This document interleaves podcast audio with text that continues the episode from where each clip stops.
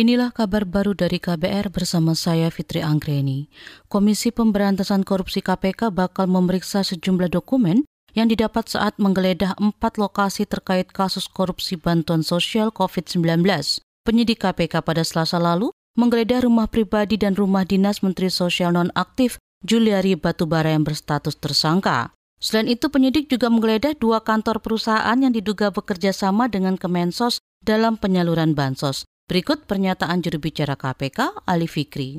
Adapun barang-barang yang ditemukan dan diamankan dalam proses uh, penggeledahan tersebut berupa dokumen yang terkait dengan uh, perkara ini dan saat ini tim sedang melakukan analisa uh, terhadap beberapa dokumen tersebut untuk kemudian segera melakukan penyitaan agar bisa nanti menjadi barang bukti di dalam uh, perkara ini. Dalam kasus ini KPK menetapkan Mensos nonaktif Juliari Batubara bersama dua pejabat Kemensos sebagai tersangka.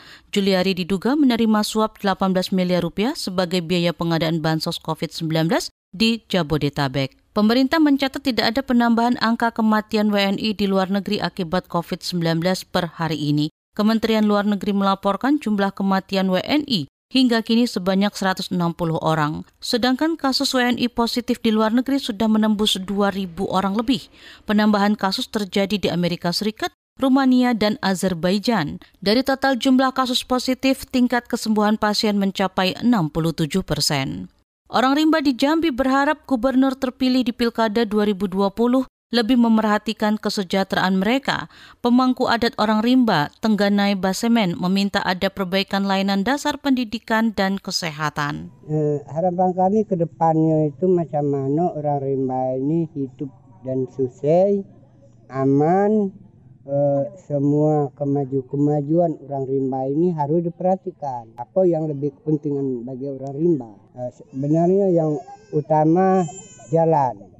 Ini lebih penting. Yang kedua kesehatan. Yang ketiga kependidikan. Tapi harapan ke depannya macam mana eh, Bapak Gubernur ini harus memperhatikan orang rimbanya dengan benar-benar. Nah itu baik harapan kami. Kemarin sebagian orang rimba keluar hutan dan menyalurkan hak pilihnya di TPS terdekat. Namun menurut Komunitas Konservasi Indonesia, KKI Warsi, Tak sedikit orang rimba yang tidak mendapat undangan memilih meski memiliki KTP elektronik. Ada juga yang batal mencoblos karena ketakutan saat diukur suhu badannya dalam rangka protokol kesehatan. Demikian kabar baru dari KBR. Saya Fitri Anggreni, salam.